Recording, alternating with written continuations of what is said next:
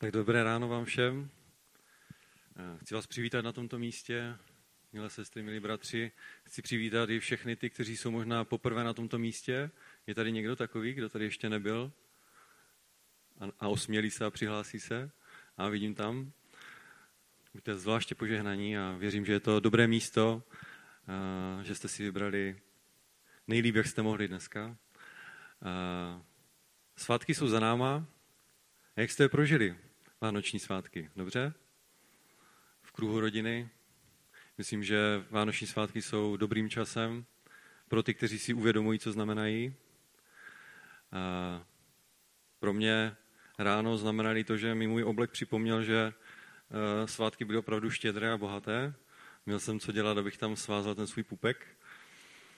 A mám už ten oblek od maturity, tak už asi bude čas ho vyměnit. Ale to není určitě, o čem chci dneska mluvit. Přečtěme si společně text, který je dneska ústředním tématem mého kázání a je napsán v knize Římanů nebo v epištole Římanů v desáté kapitole od 9. Eh, po 17. verš. Já budu číst z českého studijního překladu a přečtu takový delší úsek, ale já se pak budu věnovat eh, dvěma veršům. Vyznáš-li svými ústy Pána Ježíše a uvěříš-li ve svém srdci, že ho Bůh zkřísil z mrtvých, budeš zachráněn. Srdcem se věří k spravedlnosti a ústy se vyznává k záchraně. Neboť písmo praví, každý, kdo v něho věří, nebude zahamben. Není rozdíl mezi Židem a Řekem. Vždy nade všem je týž pán, štědrý ke všem, kdo ho vzývají. Neboť každý, kdo by vzýval pánovo jméno, bude zachráněn. Ale jak mohou vzývat toho, v něhož neuvěřili? A jak mohou uvěřit v toho, o kom neslyšeli? A jak mohou slyšet bez toho, kdo hlásá?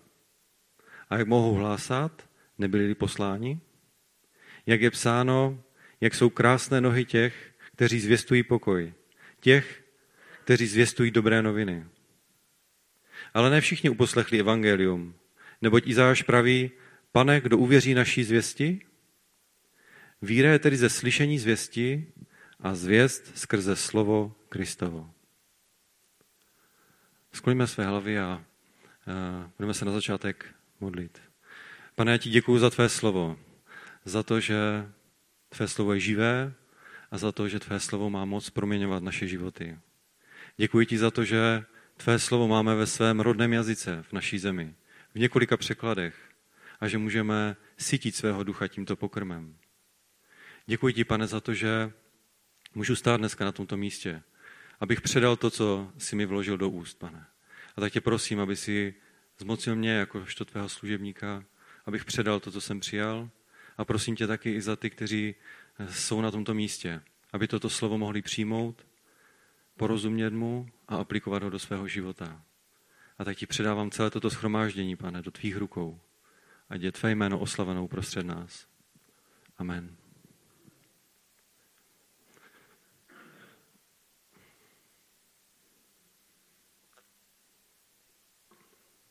Kdo z vás tady byl ve středu, tak jste si všimli, že pastor tady přišel, že tady pastor přišel se zbraní, měl tady meč. Jak vidíte, tak já jsem tady dneska přiběhl s kufrem. Nemusíte mít strach, v tom kufru není, není žádná zbraň. Jedinou zbraň, kterou dneska mám, je Boží slovo. Ten kufr mi taky bude sloužit jako nějaká ilustrace dnešního kázání ale tak když nad ním přemýšlím, možná využiju ještě jiné služby. Kdyby se mi náhodou v průběhu podařilo, že to kázání nebude úplně, úplně dobré, tak si zbalím svých pět šestek a, a poběžím dom. Ale věřím, že to nebude potřeba. Jistě jste si všimli, že se blíží konec roku. Eh, pastor o tom mluvil, ten rok uběhl neskutečně, neskutečně rychle a, a možná už je to takové klíše, eh, možná už to tady zaznívá eh, vždycky na konci roku, že možná bilancujeme každý ten svůj rok, jak proběhl. Já to ve svém životě dělám každý rok pravidelně. Můj manželka to ví, že si vždycky sednu a zahloubám se do toho a pospomínám si na, na to, co se v tom roce stalo dobrého, špatného, co se povedlo, co se nepovedlo. A hlavně taky dělám si takovou vizi dopředu. Co ten příští rok, co bych chtěl dělat, čím by se chtěl zabývat, čeho bych chtěl dosáhnout. A když jsem se tak připravoval na to dnešní kázání, tak jsem byl právě v duchu tady tohohle z toho přemýšlení a té, té meditace nad tím, nad tím rokem a tím, co bude dál. A uvažoval jsem i nad tím, jaké slovo mám dneska přinést a co mi Bůh klade na srdce. A vzpomněl jsem si na jedno slovo, které jsem viděl v modlitevní místnosti asi před rokem a napsal ho tam někdo na stěnu. My tam máme takovou, takovou stěnu, na kterou může každý napsat nějaký verš, nějaké povzbuzení nebo něco nakreslit. A tam dole ve spodní části bylo napsáno takový útržek z listu Římanům, právě to, co jsem četl z 10. kapitoly z 15. verše. Jak jsou krásné nohy těch, kteří zvěstují pokoj. A ještě tam k tomu nakreslil takové chodidla. A já jsem si na to vzpomněl a když jsem se teďka připravil na to kázání, eh, tak mi Bůh oslovil tímto. A ukázal mi na to, že když si plánuju eh, ve svém životě ten rok a to, co budu dělat v těch příštích dnech, že trošku zapomínám na jednu důležitou věc. A že opomím to, co je mým posláním jako křesťana. A o tom bych chtěl dneska mluvit. Pastor nám ve středu vykreslil Ježíše Krista jako toho, kdo byl určen k pádu a postáních mnohých v Izraeli. Ono se říká teďka, že svátky vánoční jsou eh, časem pokoje, radosti a takového veselí, eh, očekávání toho příchodu Mesiáše, ale já to takhle nevidím. Já vidím v těch nákupních centrech nákupní horečku, všichni zahání všechno možné i nemožné a nevidím žádný pokoj, žádnou radost. Ano, spíš si myslím, že se pojem Vánoc vyprázdnil. Pastor nám taky ukázal, že dobrá zpráva, evangelium, které Ježíš přinesl, v nás může vypůsobit dvě cesty. Pro toho, kdo slyší slovo a uvěří, je to cesta k životu. A je to ta líbá vůně k životu. Ale pro ty, kteří slyší a nevěří, je to ten zápach smrti. A když jsem, když jsem takhle přemítal nad tím textem, který jsem, který jsem přijal, tak vám chci dneska říct ještě o jedné skupině lidí, která tady je. Jsou tady lidé, kteří neslyší a proto nevěří. A to je téma mého dnešního kázání. Pojďme se spolu pustit teda do božího textu a rozebereme ho, jak to jen půjde. Ve verši 14 a na začátku verše 15. a poštol Pavel pokládá čtyři otázky. Sledujte se mnou hlavně konce těch otázek, ty slovesa, protože ty budou velmi důležitá. Ale jak mohou vzývat toho, v něhož neuvěřili? Jak mohou uvěřit v toho, o kom neslyšeli? Jak mohou slyšet bez toho, kdo hlásá? A jak mohou hlásat, nebyli-li posláni? Když jsem si tak několikrát přečítal tady tenhle ten, eh, tenhle ten text, tak jsem si všiml právě těch sloves na konci vět a napadlo mě napsat si je, vypsat si je na papír pod sebe a najednou jsem viděl, že mi to něco připomíná. Možná vám taky a možná jsme to teďka během těch příprav na Vánoce taky využili. Připadá mi to jako uh, zásilkovou službu, jako poštu. A tam vidíme v té poslední, v té poslední otázce, že je tam nějaký odesílatel, je tam někdo, kdo hlásá, adresát nebo pošťák, bych ho takhle nazval, a je tam nějaký adresát, ten, komu je adresována zpráva. Tak já jsem si to takhle eh, pracovně nazval a rozdělil jsem si ten text do takových tří oblastí a těm bych se chtěl teďka věnovat. A budu postupovat, budu postupovat od konce. Mým prvním bodem je odesílatel. A ne, kdo je tím odesílatelem? Nebudu chodit eh, kolem horké kaše, tím odesilatelem je v prvé řadě náš nebeský Otec, který poslal svého syna, aby zachránil tento svět. Jak je napsáno v prvním listu Janově ve čtvrté kapitole v desátém verši, v tom je láska. Ne, že my jsme si zamilovali Boha, ale že On miloval nás a poslal svého syna jako oběť smíření za naše hříchy. Ano, to je ten projev boží lásky k lidem. To, že on poslal svého jednorozeného syna, aby žádný, kdo v něho věří, nezahynul, ale měl život věčný. Protože boží vůli totiž je, aby žádný hříšník nezemřel, ale aby všichni byli zachráněni. Tak o tom píše Petr v druhém listu, třetí kapitola, devátý verš. Pán neotálí splnit svá zaslíbení, jak si někteří vykládají. Nýbrž má s námi trpělivost, protože si nepřeje, aby někdo zahynul, ale chce, aby všichni dospěli k pokání. Ano, teďka za námi je čas Vánoc, kdy jsme si připomínali právě příchod Ježíše Krista, toho spasitele. V dnešní době, a už se o tom mluvilo eh, před svátkama, už o tom se dal nechci zmiňovat, svátky jako takové vánoční ztratili naprosto význam mezi lidmi z tohoto světa. Lidem uniká pravý smysl Vánoc a dávají si tam všechno jiné, než to, co tam má, má být. Pro mě, a věřím, že i pro vás, je to oslava a radost toho, že se nám narodil Spasitel, že se nám narodil Kristus Pán. Není důležité, jestli se narodil zrovna 24. nebo ne, ale je důležité, že se narodil.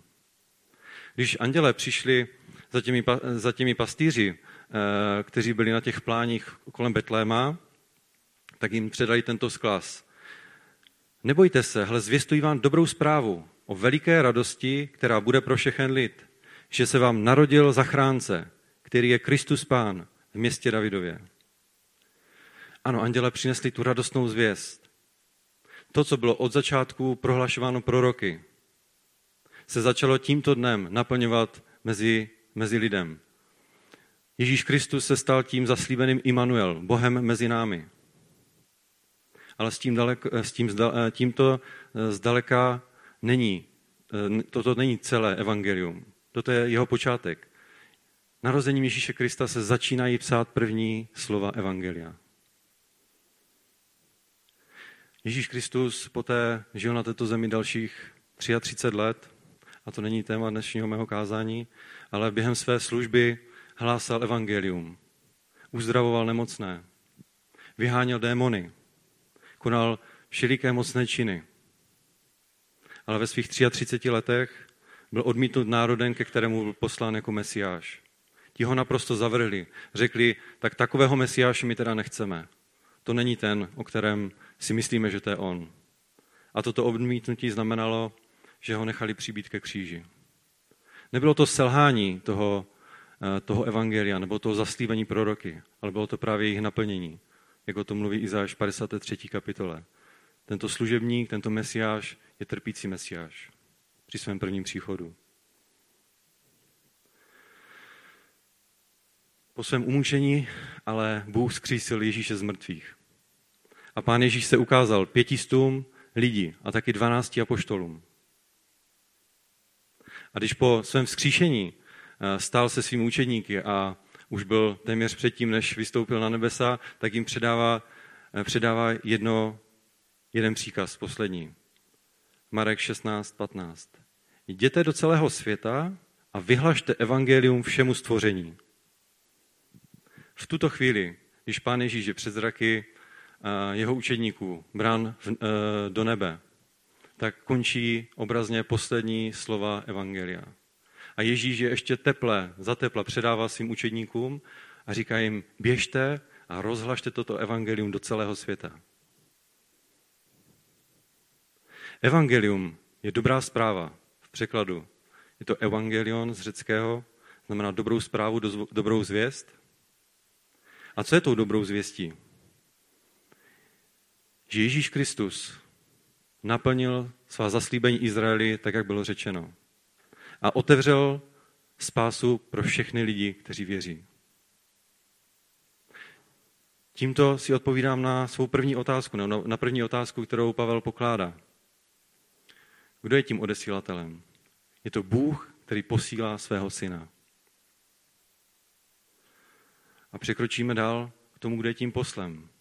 Uh, učedníci tam stojí teďka a dívají se, dívají se do nebe a pán Ježíš stoupá a najednou jim, jim ho zastře, zastře oblak a oni si říkají, no super, teďka jsme tady sami, kdyby tak pán Ježíš mlčel a radši nám nedával ten poslední příkaz, protože to, co jsme s ním zažili, bylo fajn, ale to, co nám teďka tady nechal, to je teda silné kafe. Na to nemáme. A tak tam stáli, možná spolu debatovali a bavili se o tom, co, co s tím budou dělat, ale pak si rozpomněli na to, co jim říkal ještě před svým odchodem. Je to zapsáno ve skutcích v první kapitole čtvrtém verši. A když s ním jedl, nařídil jim, aby se nezdalovali z Jeruzaléma, ale očekávali otcovo zaslíbení, které jste ode mne slyšeli. Tak se učeníci na to rozpomněli a řekli si tak dobře, pojďme do Jeruzaléma a uvidíme, co se bude dít. Přišli tam, vešli do té horní místosti a vytrvalé se tam svorně modlili spolu. A 50 dní po, eh, po tom, kdy byl Ježíš ukřižován, přichází den letnic. A nastává nejkrásnější okamžik v dějinách církve. A to, že učedníci, bylo jich tam 120 zhromážděných, se vytrvale modlili a očekávali na to zaslíbení. A Bůh naplnil ta zaslíbení a pokřtil je duchem svatým. Jak je psáno ve skutcích v první, v první kapitole 8. verši. Ale přijmete moc ducha svatého, který na vás přijde a budete mi svědky v Jeruzalémě a v celém Judsku, Samarsku až po nejzaší konec světa. Tímto dnem začalo v církvi něco významného. Tu zprávu, kterou nám Ježíš předal a nad kterou možná učeníci lamentovali, že neví, co s ní mají dělat a jak to mají udělat, tak Ježíš uskutečnil to, že naplnil duchem svatým. Pokřtil je duchem svatým. A tím je zmocnil ke službě hlásání evangelia ztraceným. Ale stala se ještě jedna věc. Tímto dnem taky Ježíš ustanovil církev na této zemi. On se fyzicky vzdálil a je teďka po svého Otce v nebesích. Ale na zemi nás, kteří mu věříme, spojil v jedno tělo. On je naší hlavou a my jsme tím fyzickým projevem Ježíše tady na této zemi. Lidé tohoto světa nevidí Ježíše, ale vidí nás, jeho následovníky. A tak kdo je tím poslem v dnešní době? Poslem byl v prvé řadě Pán Ježíš Kristus. Jak jsem říkal, ten, kdo posílal, byl Otec, ten, kdo byl poslaný, je Ježíš Kristus. Ale ve chvíli, kdy byl, kdy byl Ježíš vzat do nebe, tak tady stáli učedníci. Oni byli těmi očitými svědky jeho služby. Očitými svědky toho, jak mu Římané přibíjeli ruce a nohy ke kříži. Oni byli očitými svědky toho, že zemřel a že také hrob zůstal prázdný. A je Bůh, je Ježíš posílá, aby šli do celého světa a zvěstovali evangelium. Jsou to ti apoštolé, ti první, kteří nám mohli eh, svými, svým, eh, dosvědčit to, co svými uš, eh, ušima slyšeli a na vlastní oči viděli. Ale kdo ještě je tím poslem? Určitě už to cítíte, že každý z nás je tím poslem. Možná, možná mi namítnete, ale my jsme Ježíše neviděli. My jsme neviděli ten prázdný hrob. Ano, máte pravdu, já jsem ho taky neviděl. Ani jsem nebyl v Izraeli, kde ten hrob uh, údajný je, ale, ale ten hrob je prázdný. A ti apoštole, ti svědci toho, co viděli, nám o tom říkali. A co teda znamená? Co máme zvěstovat tomuto světu, když jsme nebyli těmi očitými svědky?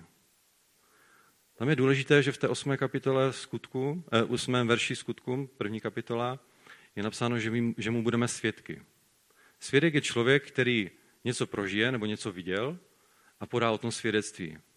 My jsme neviděli Krista takového, jaký je, ale každý z nás, kdo přijal Ježíše Krista jako svého pána, má ve svém srdci svědectví o tom, jaký byl předtím a jaký byl potom, když ho přijal. A to je to svědectví, které neseme do, do tohoto světa.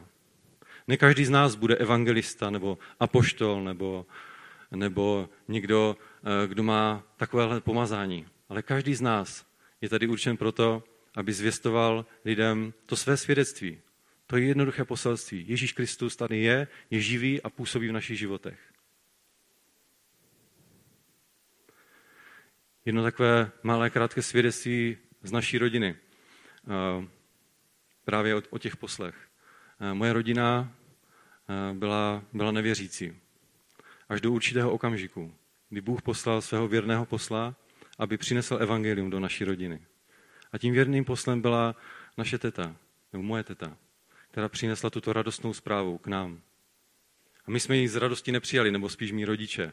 Ale vím, že taťka říkal, že se zdráhali a nechtěli přijít na schromáždění a dělali všechno pro to, aby, aby nemuseli. Ale potom jednou po naléhání svolili a šli do schromáždění a od té doby naše rodina už není stejná, jako byla. Byla to ta věrná služba té sestry, která naplnila to poslání, které Ježíš dal každému jednomu z nás. Ona nepřinesla spásu, ona nás nespasila, ale ona přinesla tu zprávu o spasení v Ježíši Kristu k našim uším. Jistě každý z nás, kteří věříme Kristu, máme takového posla, který nám přinesl tuto radostnou zprávu do svého života. A právě třeba eh, na to silvestrovské schromáždění se o tom můžeme pobavit, můžeme si o tom říct a můžeme se pozbudit k další službě těm, kteří ještě nejsou spasení. A tak odpovědí na tu druhou Pavlovou otázku Syn poslal, Ježíš Kristus poslal své učedníky, aby zvěstovali evangelium. No jo, jenže pán Ježíš k tomu ještě dodal, aby šli do celého světa. A když se tak podívám ven, sice tady jsou zastřené žaluzie, ale mně se tam ven moc nechce teda. Venku to tam nevypadá moc dobře. Mě je dobře tady mezi zdmi křesťanského centra, protože tady je to takové bezpečné. My tady víme, co je evangelium. My mu věříme. My se radujeme z evangelia. Ale ti lidé venku, já vím, co udělali našemu pánu. A já si myslím, že jsou schopni to udělat taky nám. A je to pravda. Pan Ježíš nám to říká. Hle, já vás posílám jako ovce mezi vlky. A na dalších místech taky mluví o tom, že jak pronásledovali jeho, budou pronásledovat taky, já, taky nás. Je to úděl nás, kteří zvěstujeme dobrou zprávu v tomto temném světě. Tento svět, to je třetí bod, to jsou ti adresáti, je plný nevěřících lidí. Lidí, kteří žijou spoutání v okovech, lidí, kteří jsou otroky hříchu a otroky pána tohoto světa. Lidé, kteří jsou slepí, hluší a chromí, myšleno duchovně. Když si tento eh, svět nebo eh, ty lidi, mezi kterými žijeme, můžeme přirovnat třeba k vesmíru. Vesmír je ve své podstatě velmi chladné, temné místo bez života. Ale tam, kde je světlo a teplo, v blízkosti našeho slunce, tak tam je také život. Stejně tak je tento svět temné místo plné násilí, hříchu a smrti. Ale křesťané jsou povoláni, aby to světlo, které přijali do svého života, aby ho předávali dál. A tím světlem je Ježíš Kristus. Na něm se naplnilo slovo proroka Izajáše, 61. kapitola, 1. až 2. verš. Duch panovníka hospodina je nade mnou, Hospodin mě pomazal k tomu, abych nesl radostnou zvěst pokorným. Poslal mě obvázat rány zkroušených srdcem, vyhlásit zajatcům svobodu a vězňům propuštění. Prohlásit léto hospodinovi přízně, den pomsty našeho Boha. Potěšit všechny truchlící. To je ten první posel. A toto poselství dává taky nám, abychom šli do světa a hlásali tuto radostnou zvěst těm, kteří jsou ztracení. Evangelium je podaná ruka těm, kteří jsou v zajetí hříchu. Evangelium je světlem těm, kteří žijí v temnotě. Těm, kteří ještě neznají Krista, je skrze toto evangelium nabídnutá pomocná ruka. Jim nabídnuta zadarmo oběť Ježíše Krista. On všechno vykonal na kříži. Není třeba k tomu nic dodávat. A co ten adresát, který slyší tuto zprávu, může s touto zprávou udělat? Jak už říkal pastor ve středu, jsou dvě věci. Slyší, uvěří a potom je to ta cesta života. Římanům v 10. kapitole 9. verši je to úvod vlastně toho mého slova. Vyznáš-li svými ústy Pána Ježíše a uvěříš-li ve svém srdci, že ho Bůh skřísil z mrtvých, budeš zachráněn. Nebo jiný překlad, budeš spasen. To je ten klíč k tomu, jak přijmout toto evangelium. Ale je tady druhá sorta lidí. Ti slyší evangelium, ale odmítají ho. A tito jsou odsouzeni k věčnému zatracení tam, kde, je, kde spíš není přítomnost Boží. A tak odpovědí na tu mou třetí i čtvrtou otázku je, že evangelium je mocí Boží ke spasení každého, kdo věří. Myslím, že Pavel nás chce těmito čtyřmi otázkami přivést k tomu, aby nám ukázal, jak důležitou roli mají poslové dobré zprávy. Tito poslové sami o sobě nejsou těmi spasiteli. Ale ti poslové jsou důležití, protože zvěstují spasení, které je v Kristu Ježíši. Proto v 15. verši pokračuje Pavel těmito slovy a blížíme se k závěru mého, mého kázání. Jak jsou krásné nohy těch, kteří zvěstují pokoj, kteří zvěstují dobré noviny.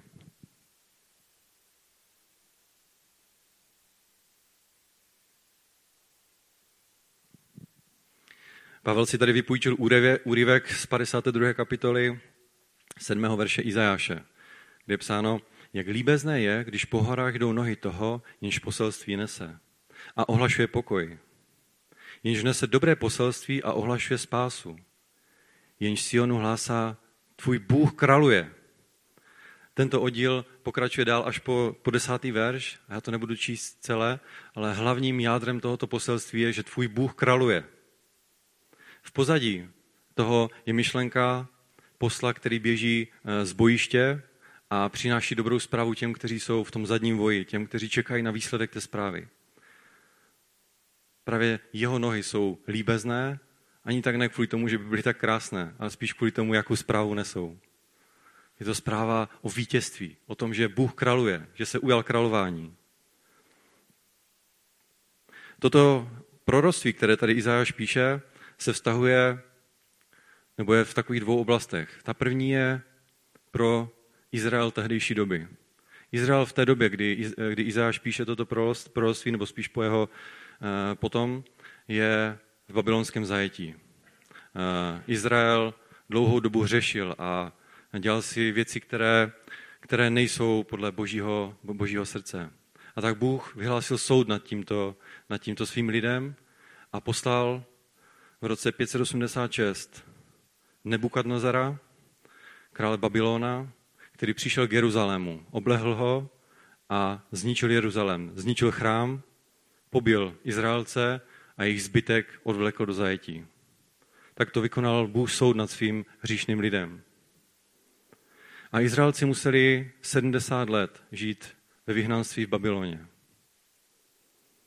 Ale měli už proroctví právě Izajáše nebo Jeremiáše o tom, že budou vysvobozeni. A tak čekali, až přijde ta dobrá zpráva. A stalo se. Perský, perský král Kyros vydává nařízení, aby se židé vrátili do své země. Potom, kdy Kyros, vládce Perzie, dobil Babylon, tak umožnil, aby se všichni židé vrátili do své země, obnovili chrám a začali s bohoslužbou. A tak vidíme, jak ten Kyros vysílá ty posly, aby tuto zprávu předali těm Izraelcům, kteří tam, kteří tam žili v Babyloně. A Izraelci tam sedí a čekají v těch svých chatrčích a teďka přicházejí ti poslové a říkají, Izraelci, můžete jít domů. Král Kyros vás propouští a můžete jít zpátky. A Izraelci se radují a, a jsou nadšení z toho a veselí se. A vydávají se na cestu. A už před sebou určitě posílali taky posly směrem, směrem do Jeruzaléma a vyhlašovali, Bůh se ujal králování, opět se vrací na Sion. Opět se vrací Bůh, aby vládl nad svým lidem. Už skončila doba vyhnanství a doba zajetí.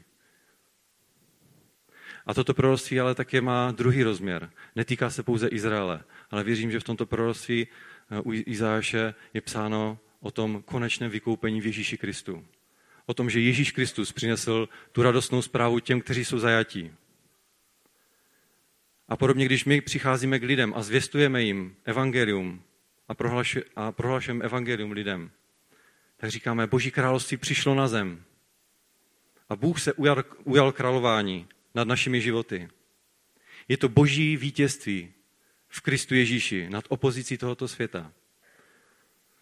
Ano, když se podíváme ven a řekneme si, jo, boží království, ale tam to tak teda nevypadá. Já tam vidím, že se tam lidé zabíjejí, že se nemají rádi, že je tam násilí, že je tam smrt. Ale kde je to boží království?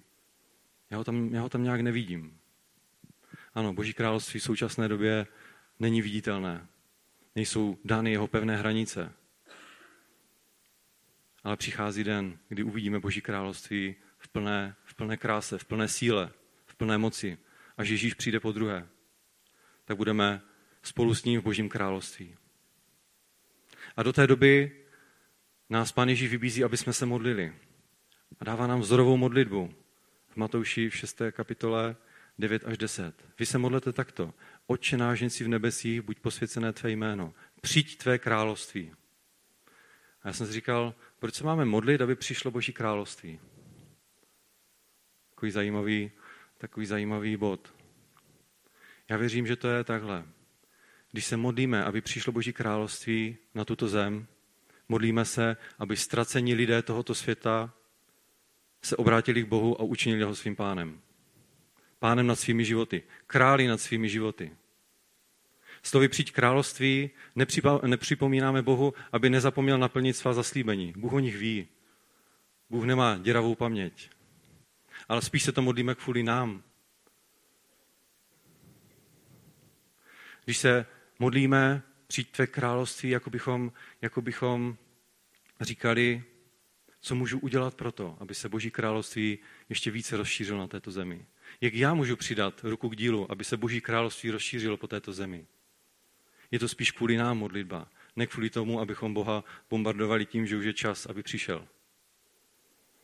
Proto když v modlitbě voláme přijď, jako bychom jedním slovem dodávali, no tak běž a hlásí evangelium ztraceným lidem, protože právě tak se šíří Boží království mezi nespasenými lidmi. Nebo ještě lepší příklad. Když se modlíme, pane, ta žeň venku, to je tak veliká, tam je tolik nespasených lidí. Udělej něco, aby se, aby se ti lidi obrátili. Vypuď ty dělníky na tu žeň. Vypuď tam třeba Manfreda, ten, má, ten dobře mluví, tomu to půjde. Nebo vy, vypuď tam toho. Ale Bůh se na nás dívá a říká, no ale ty běž. Já jsem i tebe poslal, aby si šel na sám konec světa. Je to zase modlitba ne o tom, abychom říkali, kdo všechno má jít, ale je to modlitba o tom, abychom si uvědomili, že my jsme poslani, abychom měli jít až na sám konec světa. A tak co říct závěrem? Pavel v 16. verši říká, ne všichni uposlechli evangelium. To je pravda. Už Izáš to říká, že, uh, že ne všichni, uh, nebo kdo uvěří naší zvěsti, je tam napsáno. Ano, je to pravda, ne všichni uvěří evangelium. A my jako poslové na tom asi nic nezměníme, protože to není na nás. Ale ve verši 17 Pavel pokračuje, víra je tedy ze slyšení zvěsti a zvěst skrze slovo o Kristu. A s tím ovšem, ale my, každý z nás, můžeme něco udělat. To, aby ti lidé, kteří neslyší a nevěří, uslyšeli a uviděli, je potřeba, aby tady ti poslové šli a hlásali toto evangelium.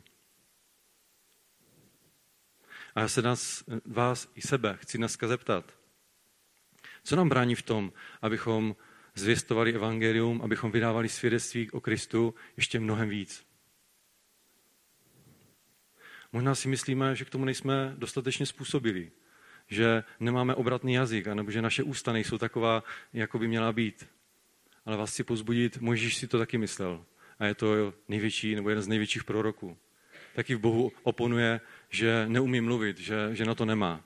Ale Bůh mu říká, vždyť já jsem stvořil tvá ústa, tvůj jazyk. Já je naučím, co mají mluvit. Takže nebojíme se toho. Možná máme, je to normálně lidský strach. Myslíme si, že nejsme dokonali a že nejsme způsobili k tomu. Ale Bůh nás pomazává k tomu a dává nám to, co nemáme. Nebo si někdy myslíme, že nejsme dostatečně duchovní. Že nemáme to duchovní turbo. Že nejsme ještě dokonalí duchovně. A Pavel říká, ale my stejně nikdy nebudeme dokonalí na této zemi. Až když uvidíme Ježíše takového, jaký je, v tu chvíli budeme proměněni v jeho dokonalost. A do té doby nám vždycky jako kdyby kousek bude scházet. Ale to, co, má, to, to, to, co nám schází, tak to je schopný doplnit náš pán, pokud se mu vydáme.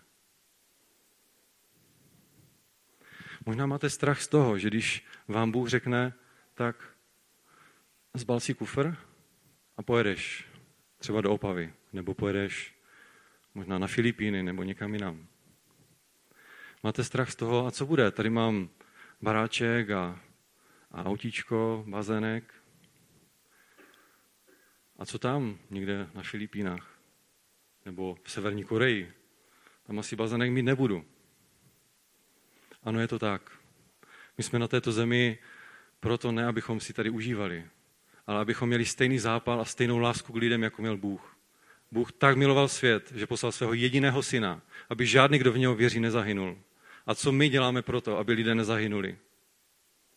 Rochníme se v našich bazéncích?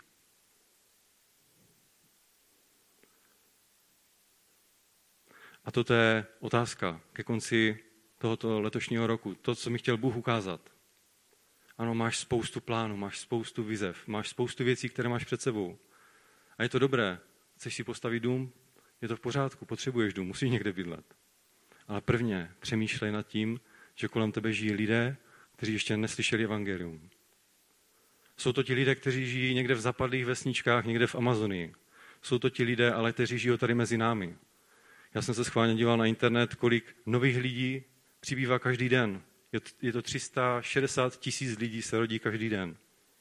Je to další generace, která přichází do tohoto světa a neslyší evangelium. Vyrůstají mezi námi, jsou, jsou s námi v našich školách, v, eh, v práci, všude, kde jsme, na sportovištích. Je to další generace těch, kteří neslyšeli evangelium.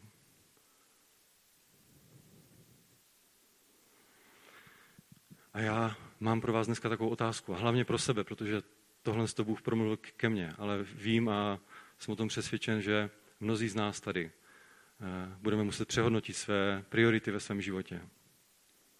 Pro někoho to možná bude znamenat toto dnešní rozhodnutí, že si zbalí ten kufr a bude muset někam, někam vycestovat. Pro někoho to z nás bude znamenat, že se třeba přestěhuje jenom do jiného města, tak jako to udělala třeba Dorka nebo, nebo David nebo další, kteří šli do Opavy. A pro ostatní to bude znamenat, možná pro většinu, to, že zůstaneme tady. A je to taky tak v pořádku. A budeme svědky Ježíše Krista tady, kde jsme, kde nás postavil. Bůh nechce, abychom se trápili tím, že neumíme eh, takový a takový jazyk, protože eh, jsme se ho nikdy neučili, že k tomu nejsme způsobili a tak dále a tak dále. Bůh není ten, který by nás uváděl do stresu. Bůh s námi, pokud s ním chceme spolupracovat na tomto velkém poselství, tak s náma spolupracuje a dotváří nás. On nás formuje. On si nás nasazuje jako tu rukavici. A s, tou, a s touto rukavicí potom on pracuje v tomto světě. Ale záleží na tom, jsme my tou poddajnou rukavicí, anebo jsme tou kamenou, která se nedá formovat a nechce jít nikam. Protože naše modlitba je, pane, vypuď tam ty dělníky, ale mě nech na pokoji. Nebo přijď tvé království, ale mě do toho netahy. A tak možná na konec roku trošku silné kafe, ale myslím si, že dnes je čas, čas pokání, čas obnovy a čas toho, abychom zapomněli na tyto věci. Možná máme spoustu důvodů, proč nejsme, nejsme aktivní a nejsme proaktivní v těchto věcech. Ale Bůh nám dneska říká, ale dobře, já to vím, já ti to odpouštím, ale je tady nový začátek. Možná právě proto to mám říct teďka ke konci roku. Je tady nový začátek, něco svěžího, něco nového. Tak pojďte spolu se mnou do toho. Je to poselství, které máte nést. Je to dobrá zpráva. Samozřejmě, dobrá zpráva pro ty, kdo uvěří, ale špatná zpráva pro ty, kdo neuvěří. Ale na nás je, že ji musíme nést, protože to je naše poslání. Pán Ježíš nás vystal a pomazal k tomu, abychom to dělali. A to by měla být priorita v našich životech. Mít stejnou lásku k lidem, jako měl on. A můj čas se tímto naplnil. A já bych vás chtěl vyzvat k tomu, abychom se na závěr modlili. A možná byli v takovém stišení před Bohem a každý z nás spytovali své svědomí a, a přemýšleli o tom, jaký my máme vztah, vztah k šíření Evangelia, ke zvěstování Krista. Postaňte spolu se mnou a budeme se modlit.